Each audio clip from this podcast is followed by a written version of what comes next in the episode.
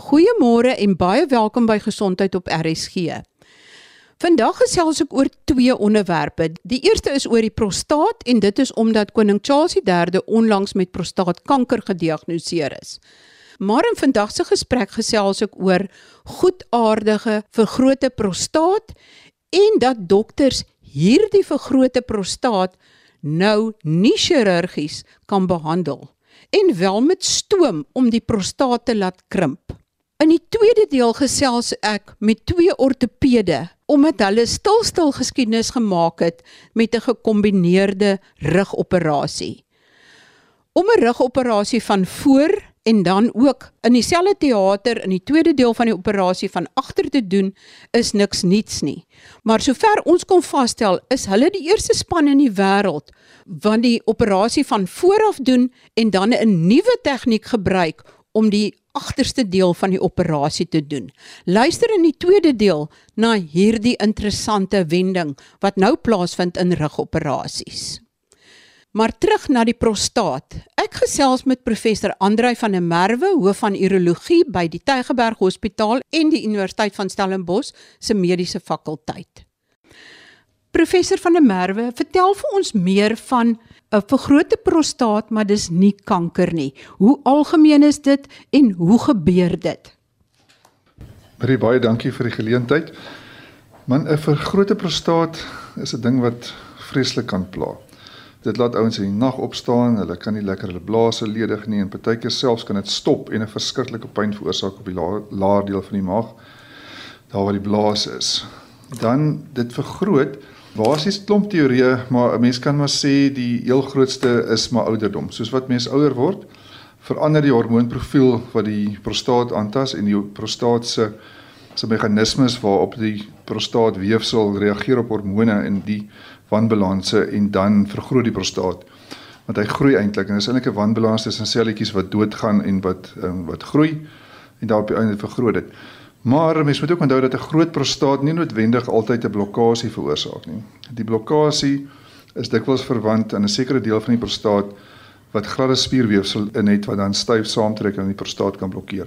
En dit is iets wat maar die meeste mans um, affekteer een of ander tyd soos wat hulle ouer word. So, hoe groot is 'n normale gesonde prostaat en tot hoe groot vergroot hierdie prostaat wat dan nou so al hoe groter word. Kan ek amper sê dis so groot soos 'n okkerneet wat dan amper so groot soos 'n tennisbal word of watse vergelyking kan mens tref? Maar 'n normale prostaat in 'n volwasse man is omtrent so 35 gram en dit is on, ongeveer so groot soos 'n okkerneet sou ek dink. En dan vergroot dit so hier van die ouderdom van 30 af, vergroot dit stadig en stadig en afhangende van die man se genetika en die verskillende invloede kan dit of dieselfde bly of dit kan so maklik so groot raak soos 'n tennisbal. En ons het al prostate verwyder wat tot 300 gram is wat dan 'n hele paar tennisballe is. En dit is natuurlik 'n operasie wat met groot bloedverlies gepaard gaan as die prostaat so groot is. En wat 'n mens dan natuurlik um, in die ou dae die deel wat mense dood gegaan van so 'n operasie. So dit is deel van die rede waarom hierdie nuwe behandeling baie goed is. Net voordat ons aangaan na die behandeling toe, Wat is die tipiese tekens waarna 'n man moet uitkyk wat die gevolg gaan wees van 'n vergrote prostaat? Ja, maar dit is baie belangrik die simptome waarvan die mans sukkel meeste van die tyd is dat hulle dikwels nie lekker kan begin urineer nie. Hulle moet eers 'n rukkie staan voordat die urine nou uitkom en dan as dit uitkom is dit nou redelik swak. En baie keer staat en stop dit so en dan die einde um, is daar baie keer nadruppeling wat hulle dan nat maak of inkontinensie gee. En dan partykeer kan hulle ook voel dat die blaas net glad nie ledig nie. Dan partykeer is dit ook dat die mans in die aand moet opstaan um, om te urineer, partykeer 4, 5, 6 keer in die aand, 7 keer soms en dan partykeer ook in die dag dat hulle moet. En dan as 'n as 'n mens ehm um, nie iets daaraan doen nie, dan kan dit die niere laat versaak dat wat dan nierversaking sal dit gebeur en wat dikwels onomkeerbaar is. Dan is 'n mens regtig in baie groot moeilikheid want mense van daai ouderdom kwalifiseer dikwels nie vir 'n nieroorplanting nie. En dis eintlik iets wat maklik hanteerbaar was op 'n vroeë stadium wat dan in 'n baie baie moeilike situasie omgesit het. Professor, jy het gesê dat as die prostaat tot so mate vergroot dat die urine nie kan uitgaan nie. Met ander woorde, die urine word in die blaas vasgevang. Dat iemand dan nierversaking kan kry. Is dit omdat die urine dan kan terugstoot na die niere toe of wat is die rede dan vir die nierversaking? Ja, dit is absoluut is eintlik twee redes. Een is die drukking van die terugstoot wat die niere is geweldig sensitief vir drukking. Dis hoekom mense wat wat selfs hipertensie het en die drukking kom van die bloed se kant af, hulle gaan dikwels 'n nierversaking in. So die terugdruk is is iets wat wat die niere geweldig toksies ervaar. Dan die tweede ding is um, as 'n mens nou stase het van die urine wat so terugdruk, dan kom daar dikwels infeksies in. En die infeksies maak die niere geweldig seer en op 'n geweldig interessante wyse want die niere is mos baie soos die hart, hulle klein aartjies, hulle kommunikeer glad nie met mekaar nie. So as daar deeltjies van daai are is wat deur die infeksie toegaan, dan gaan daar stukkies van daai nier dood. En die stukkies van die nier wat doodgaan, die kry littekenweefsel trek na mekaar toe, trek nog aartjies dood en veroorsaak eintlik uh, snaaks genoeg 'n uh, hoë bloeddruk op op 'n baie snaakse manier. Hoe onderskei julle tussen benigne en maligne met ander woorde nie kanker nie en kanker. Weet jy die twee kom saam voor, maar dis twee totale al verskillende siektes en die benigne prostaat hiperplasie dit veroorsaak nie prostaatkanker nie of daar is uh, is geen klaar klinkklare bewys dat dit doen nie. Die twee dinge wat ons doen om of eintlik drie om te doen om om seker te maak of iemand kanker in sy prostaat het of nie, is eerstens 'n bloedtoets wat gedoen kan word uh, van die serum van die bloed. Dit noem ons die PSA bloedtoets, die prostaat spesifieke antigeen wat is aan toets en dit moet op 'n lae vlak wees. En dan uh, natuurlik doen ons 'n uh, kliniese ondersoek waar uh, jy weet op op 'n prostaat ondersoek, 'n fisiese ondersoek gedoen word om te voel of die prostaat dan nou 'n knoppie in het of nie. En dan natuurlik, um, as daar so iets is, dan kan 'n mens 'n biopsie vat daarvan om te bevestig of dit is. Deesdae is 'n 'n verskriklike goeie vooruitgang in die diagnose van prostaatkarsinoom is die uh, magnetiese resonansie skanderings wat 'n verskriklike goeie bydrae maak om prostaatkanker te identifiseer want prostaatkanker lyk net heeltemal anders as die benigne vergroting van die prostaat op op dit. Maar omdat die skandering so duur is, doen ons dit gewoonlik net op mense wat daar twyfel is oor die diagnose of daar twyfel is oor watter tipe behandeling gevolg moet word na die diagnose gemaak is. Goed, julle het nou vasgestel die prostaat is vergroot, dis nie kanker nie, maar dit belemmer die urinering uh, van die man en dit is ongemaklik en daar moet iets aan gedoen word. Wat doen julle? Maar in die eerste plek wil ons mense behandel maar ons wil hulle nie slegter maak as wat hulle reeds is nie.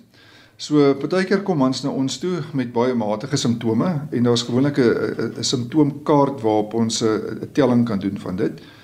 En dan as dit baie matige simptome is, dan gewoonlik doen ons niks nie. Ons sê net okay, dit is iets wat kan vererger of baie keer bly dit dieselfde en in 'n klein uh, persentasie van mense gaan dit selfs weg. So daai stadium sal ons nog net kyk daarna.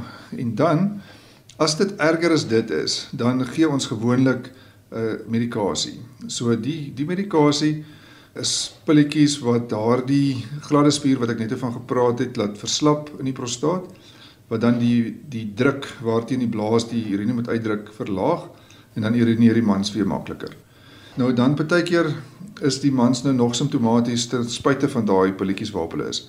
In daai gevalle kwalifiseer hulle natuurlik vir chirurgie of natuurlik as hulle niere besig is om seer te kry en 'n mate van nierversaking begin, jy weet, eh, sigbaar word of daar's ander komplikasies soos byvoorbeeld blaassteentjies of sakkulasies van die blaas of herhaalde urineweginfeksies infeksies of stopping van die blaas. In daai gevalle sal 'n mens dan moet chirurgie oorweeg en die gewone chirurgie wat ons doen is om 'n skraping van die prostaat te doen. As die prostaat klein genoeg is, gewoonlik so onder 60 tot 100 gram, dan kan 'n mens nog 'n skraping doen. En as dit oor dit is, moet 'n mens gewoonlik 'n oop operasie doen om die prostaat te verwyder. Wat is die tegniek wat jy gebruik wat nie 'n operasie behels nie? Die nuwe tegniek wat natuurlik ook nie so nuut is nie, nie is waar 'n mens um, stoom in die prostaat inspuit. En die stoom wat dit doen is dit beweeg dan tussen die selletjies van die prostaat. En oor 'n redelike kort tydperk van 'n paar dae tot weke sal die prostaatselletjies dan doodgaan. En dan ehm um, jy weet dan is daar 'n holte basies waar daai waar daai stoom ingespuit het. Dit word gemaak met 'n teleskooptoets wat ons nou jy weet van onder af insit van die penis se kant af insit en dan in die prostaat inkyk terwyl die pasiënt of slaap of hy kan verdoof wees uh, of hy kan net 'n blokkade hê dis um, dis moontlik en dan wat ons doen is ons kyk na hoe groot die prostaat is en dan is daar so 'n uh, apparaatjie waarmee ons 'n naald in die prostaat insit en dan deur die naald word daar dan stoom in die in die, in die prostaat ingeblaas op omtrent so 'n sentimeter afstande tussen mekaar. En dan na die tyd moet die uh, pasiënt gewoonlik 'n kateter hê vir 'n paar dae want die stoom natuurlik dat swel die prostaat aanvanklik op voordat hy nou krimp en daarna is die is die uitkoms uh, baie goed ons is baie opgewonde. Hoe lank hou die krimping van die prostaat of begin hy maar weer te groei? Maar die prostaat groei dikwels weer na enige vorm van 'n skraap um, maar oor die langtermyn en ons het omtrent 8 eh, tot 10 jaar data op hierdie tegniek waarvan ons nou praat waar omtrent 5% van mense sal sal met herhaling kry. En as jy die groot operasie doen um, wat jy ordentlike prostaatskraap doen wat nou baie bloedinge goed behels en dan neeweffekte soos retrograde ejakulasie het en ook impotensie, dan is die herhaal eh, tyd min of meer dieselfde oor die oor dieselfde tyd. Dit is een van die een van die redes wat wat ons redelik opgewonde maak vir die soort behandeling want um, 'n mens kan nou die pasiënte baie effektief behandel met 'n baie ligte narkose indien wel en ook sonder om daai erge neeweffekte te kan kry byvoorbeeld inkontinensie en impotensie net 'n gewone prostaatskraap 5 tot 10% van gevalle kan dit wel kry dit is 'n gevaarlike situasie om om by betrokke te raak Professor van der Merwe, hoe lank neem hierdie stoomtegniek in vergelyking met van die ander tegnieke wat jy gebruik? Hoe lank moet die persoon in die hospitaal bly? Die stoomtegniek is regtig baie vinnig. Dit vat ongeveer 'n maksimum van 10 minute om die hele prosedure uit te voer. Die gewone konvensionele prostaatoperasie, die prostaatskraap soos ons nou maar sal sê, ons noem dit ook 'n TURP. Daai operasie kan tot 'n uur vat. Gewoonlik hou ons nie daarvan om langer as 'n uur te doen nie want dit word met 'n spoeling uh, gepaard gegaan wat en as 'n mens te lank opereer dan kan dit dalk toksies wees of dit hang ook af van die energie modaliteit wat gebruik word. Kan 'n mens wel langer aangaan, maar daar's gewoonlik 'n redelike mate van bloedverlies betrokke by dit. En 'n mens verwyder fisies weefsel met 'n elektriese draadjie wat jy dan skraap deur die prostaat en dit, en dit vat 'n uh, jy weet omtrent 'n uur op 'n sê maar 'n 60 gram prostaat die na operasie versorging verskil uh, dramaties. Ehm um, in die eerste plek met hierdie stoomterapie kan 'n mens uh, natuurlik in 'n daghospitaal doen. Party mense oor see doen dit sommer in die spreekkamer en dan gaan die mense dieselfde dag huis toe. So jy weet dit is 'n ligte narkose.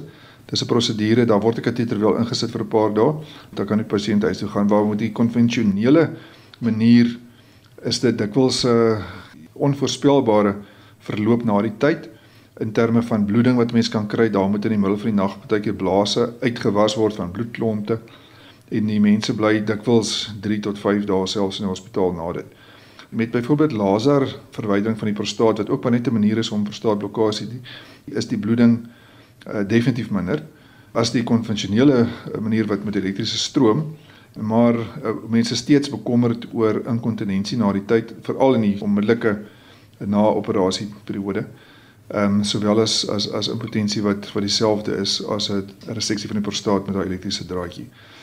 Professor van der Merwe, as jy soort van 'n enkel boodskap moet gee vir die luisteraars na aanleiding van hierdie stoomprosedure en vergrote prostaat, wat sal jy wil hê die mense moet onthou uit vandag se gesprek uit? Maar ek ek dink dit is belangrik om te besef dat daar is geen operasie wat absoluut geen komplikasies het nie. So mense kan nog altyd 'n komplikasie byvoorbeeld sepsis of uh, urineweginfeksie op die goeters kry met met dit. Die uroloog wat jy sal behandel sal moet eerlik wees oor die syfers van wat uh, die behandelingsopsies is. En ek dink as 'n mens moet dink aan vergrote um, prostaat en die simptome wat dit wat dit teweegbring, dan moet 'n mens eerder vroeër opereer as later. Want as 'n mens te lank wag, dan verander die blaas se histologiese balans tot so 'n mate dat daar meer fibrotiese weefsel in is en dan trek die blaas net nie meer so lekker saam nie en die blaas raak ook ook onstabiel. So dit gebeur baie keer dat mense wat te lank wag dat hulle um, kry verligting van hulle prostaat uitvloei obstruksie Maar dan as die obstruksie ehm um, opgehef is met watter metode ook al of dit nou 'n oop operasie is of 'n stoom of 'n jy weet die gewone skraap die TRP skraap dan het hulle nog altyd blaasimptome en dit is dit is 'n belangrike ding om te onthou. So ek sou dink 'n mens moet kyk na jou blaasgesondheid dat as die simptome daar is dat 'n mens nie te lank moet wag voordat 'n mens uh, 'n uh, uroloog sien en behandeling kry en as die behandeling nie werk nie om 'n chirurgiese oplossing te soek. Ek gesels nou met Dr Reggie King en met Dr Shaun Venter, albei ortopede verbonde aan die Spinal Center in die Parel. En ek is baie trots om te kan sê dat hulle die eerste ortopede in die wêreld geword het wat 'n rugoperasie anders aangepak het as enige ander groep in die wêreld. Dit is dikwels nodig om 'n rugoperasie in die geval van erge rugprobleme nie net met 'n gewone sny van agter op die rug te benader nie, maar met 'n sny van voor en van agter. Wat hier gebeur is dat die voorste snit eers gemaak word en dan is die operasie van vooraf voltooi is, word die pasiënt omgedraai en word die snit van agter gedoen. Wat hulle gedoen het is om die deel wat van agter gedoen word met 'n baie spesiale sleutelgat prosedure te doen wat genoem word 'n biportale endoskopiese tegniek. Dr King verduidelik hoekom dit nodig is en hoe word rugoperasies van vooraf gedoen. Ek verstaan daar's 4 maniere wat jy dit van vooraf kan doen. Baie dankie. Ek dink dit is belangrik om te verstaan dat mense rug is nie aan die agterkant van jou lyf soos tradisioneel gedink word nie. Die, jou rug is in die middel van jou lyf. So soos jy reg sê, is daar vier maniere wat jy by die die die ruggraat kan uitkom vir spesifiek die diskus spasie. So mense kan of reguit van voor af kom of jy kan 'n skynstipe toegang of 'n van die kant af toegang doen waar jy met al drie hierdie toegange noem ons noem dit 'n retroperitoneale toegang jy werk agter om die, peritoneale sak. Ehm um, dit is die waar al die darmes en goed is wat jy uit die pad uitskuif dan is dit nodig gewoonlik om die groot slagare en are, die vena cava en die aorta uit die pad uit te skuif tydelik en sodat jy dan direkte toegang tot die diskusspasie het. Wat baie lekker is daarvan is dat jy sodra as jou toegang eers voltooi is, dan is daar geen gevaarlike goed voor jou wanneer jy werk nie. Waar jy as jy soos van tradisioneel van agter af na, na die diskusspasie toe gaan, moet jy verby senuwees werk wat uit die pad uit geskuif moet word en wat potensieel kan seer kry of die pasiënt het soms beenpyn na die tyd oor die oor die senuwees gemanipuleer is. Waar as jy van voor af werk, is daar niks in jou pad nie. So jy kan die hele diskus uithaal en jy kan die diskusspasie dan oplig ook en dan um, groter implantaat tussen die uh, twee wêrelds inkry om die diskusspasie op te lig en die vormiteite dan reg te maak. En dan omdat jy meer bene aan die voorkant het en die bene in kompressie het, het jy potensieel 'n beter fisiesyfer. So tradisioneel word hierdie anterieure prosedures saam met 'n posterior prosedure gedoen in 'n tweede helfte van die operasie. Ons doen dit dieselfde dag, dis dieselfde narkose. Die pasiënt word net hergeposisioneer gedurende die tweede eh, deel van die operasie. So wat het julle dan anders gedoen as voorheen? Hoe het julle dit dan anderste van die rugkant af gedoen en wat is die voordele daaraan? Die verskil tussen hierdie prosedure en die tradisionele prosedure is dat waar die die anterieure deel van die operasie is nog dieselfde, maar wanneer ons die pasiënt omdraai word die skroewe dan perkutaan ingesit deur klein uh, insisies en ons doen 'n endoskopiese dekompressie wat Sean vir ons doen. So dit kombineer my veld van wat operasies wat ek baie doen, die anterieure werk met wat met die wat Sean baie doen, die endoskopiese werk. So ons probeer so die beste van van beide wêrelde vir 'n vir 'n pasiënt gee die idee is dat dit 'n baie minder invasiewe uh, operasie is. Die pasiënt verloor baie minder bloed. Ehm um, daar's baie minder weefselskade en dan potensieel baie vinniger herstel na die na die prosedure. sien julle inderdaad dat die pasiënt gouer op die been kom so en aan die gang kom en meer dinge kan doen as met die tradisionele manier. Ons sien dit wel. Ons sal nog na die syfers kyk en die, die navorsing doen, maar ons sien wat ons sien nou al is die pasiënte ons laat hulle opstaan op dag 2 en hulle kan rondloop. Ons ontslaan hulle na die rehabilitasie hospitaal gewoonlik dag 3 of 4 en die pasiënte doen hulle klaar bitter min van pyn en hulle hulle is net vinnig op die been en kom vinnig aan die gang, ja. Na 'n gewone operasie wat jy op die tradisionele manier van agteraf ingegaan het, hoe lank het dit dan gevat voordat die pasiënt uh, aan die gang is en het hulle meer gekla van pyn? Ons protokol was altyd om om op dag 2 op te staan na die operasie saam met die fisioterapeute en ons mobiliseer die pasiënte. Dis baie beter om 'n pasiënt vroeg te mobiliseer. Dit het baie minder komplikasies vir die pasiënte. Maar met die tradisionele prosedure, die die pasiënte het 'n mate van pyn en hulle vat 'n bietjie langer om gesond te raak. Weerens ons ons is besig om te kyk na die syfers en hopelik uh, dit publiseer op op 'n stadium dat dit laat 'n ou dit kan bewys maar dit lyk vir ons wel definitief. Die pasiënte is hulle is definitief gelukkiger met hierdie prosedure. Waar maak julle die snit as julle van vooraf ingaan en hoe lank duur so 'n operasie al twee dele ingesluit?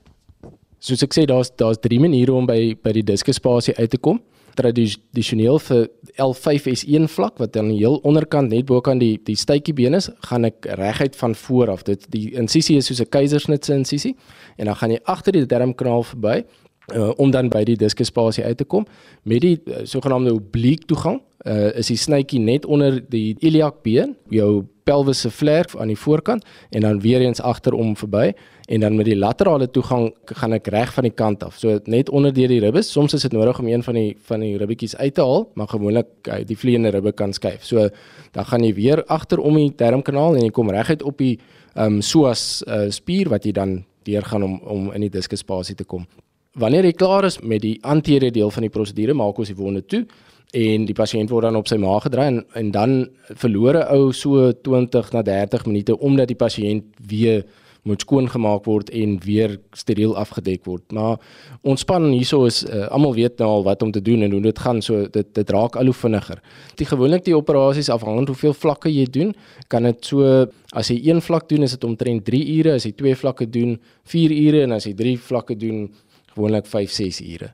So die operasie, dit vat maar dit vat maar 'n rukkie, maar jy kry 'n baie beter resultaat. Jy kan die formiteite baie beter herstel so Ehm um, jy kan die pasiënt laat lyk soos toe hy nog 'n jong mens was, sy anatomie wat dan maak dat hy potensieel minder probleme met die kussentjies bokant uh, die visie het wat in die ou dae daar was net nie die die middele beskikbaar om om die anatomie te herstel nie. Die pasiënt is gelos met 'n deformiteit na die operasie wat dan vir hom probleme maak met die kussentjies boontoe. En dis wat ons sien, ongelukkig. Ons sien baie baie uh, pasiënte wat vorige rugoperasies gehad het lank terug wat dan kom met met deformiteite en dan probleme met die kussentjies boontoe wat wat 'n ou nou potensieel as ons nou primêr hierdie prosedures doen, dan kan 'n ou daai komplikasies vermy. So dis baie goeie nuus. Met ander woorde, as iemand 'n eerste operasie gehad het en dit word op hierdie manier gedoen, is die kans dalk 'n raps kleiner vir 'n tweede operasie in die toekoms. Ek dink die literatuur ondersteun ons daar. Weerens ons sal vorentoe sal 'n ou kan dit kan navors en baie goed sien. Ons sien baie pasiënte wat van tevore operasies gehad het en deformiteite het, maar wat ons kan doen nou is om die vorige operasies ongedaan te maak en die deformiteit wat die pasiënt het, kan 'n mens dan herstel. Omdat daar nog nie van tevore van vooraf gewerk het nie, is daar nie vergroeiings en ander probleme om by die wervels uit te kom soos van as jy weer van agter af werk, is dit altyd moeiliker want die daar's vergroeiings en die senuwee sit vas aan die ander weefsel en so wat baie meer komplikasies dan maak. Uh, jou kanse vir senuweebeserings en goed is baie groter. Maar van vooraf, daar was nog nie iemand daar nie, so ou kan dis asof jy 'n primêre operasie doen wat baie handig is. Dokter Venter, vertel vir ons meer van die deel wat jy gedoen het tydens hierdie prosedure. Hi Marie, is lekker om weer met jou te gesels. In terme van hierdie pasiënt, hy het 'n uh, senuweebeklemming agter op die rug gehad en waar dit 'n redelike moeilike area was om uh, by te kom. En ons het dit toe nou met die endoskopiese tegniek waar ons met die kamera gaan kyk het en waar ons die senuwee baie duidelik kon visualiseer. Nou baie interessant met hierdie pasiënt, hy het 'n anatomiese abnormaliteit gehad wat ons eers gesien het terwyl ons geopereer het, uh, waar die senuwee se verloop abnormaal was. Ek dink dit is die waarde van endoskopiese tegniek is dat mens kan dinge sien wat mense nie noodwendig met konvensionele ander uh, endoskopiese tegniek of minimal invasive tegnieke gaan sien nie. Omdat die kamera 30 grade geanguleer is, dan kan jy om hoekies en draadjies sien en en dit maak dit baie waardevol. So in hierdie pasiënt het ons lekker die kompressie gedoen, senuwees losgelaat. Ons kon dit sien, ons kon sien hoe die senuwees pulseer. Aan die einde van dit het ons daai been wat ons gebruik het agter wat ons uitgehaal het, het ons weer kon terug inplant agter op die rug. So hy het 'n tweede vangnet behalwe vir die spysertjie wat hy voorin het met die beenoorplanting het hy dan beenoorplanting nog steeds agter op die rug saam met die skroewe dan wat ons deur 'n 'n klein uh, snit gemaak het wat ons ingeplaas het. Hierdie was dan die eerste deel van die gesprek oor hierdie nuwe rugprosedure. Maar volgende week gesels ek verder met Dr Reggie King en Dr Shaun Venter sodat hulle meer verduidelik oor hierdie tegniek wat hulle toegepas het en om meer te vertel van rugoperasies in die algemeen. Tot volgende week dan. Baie groete van my, Marie Hudson.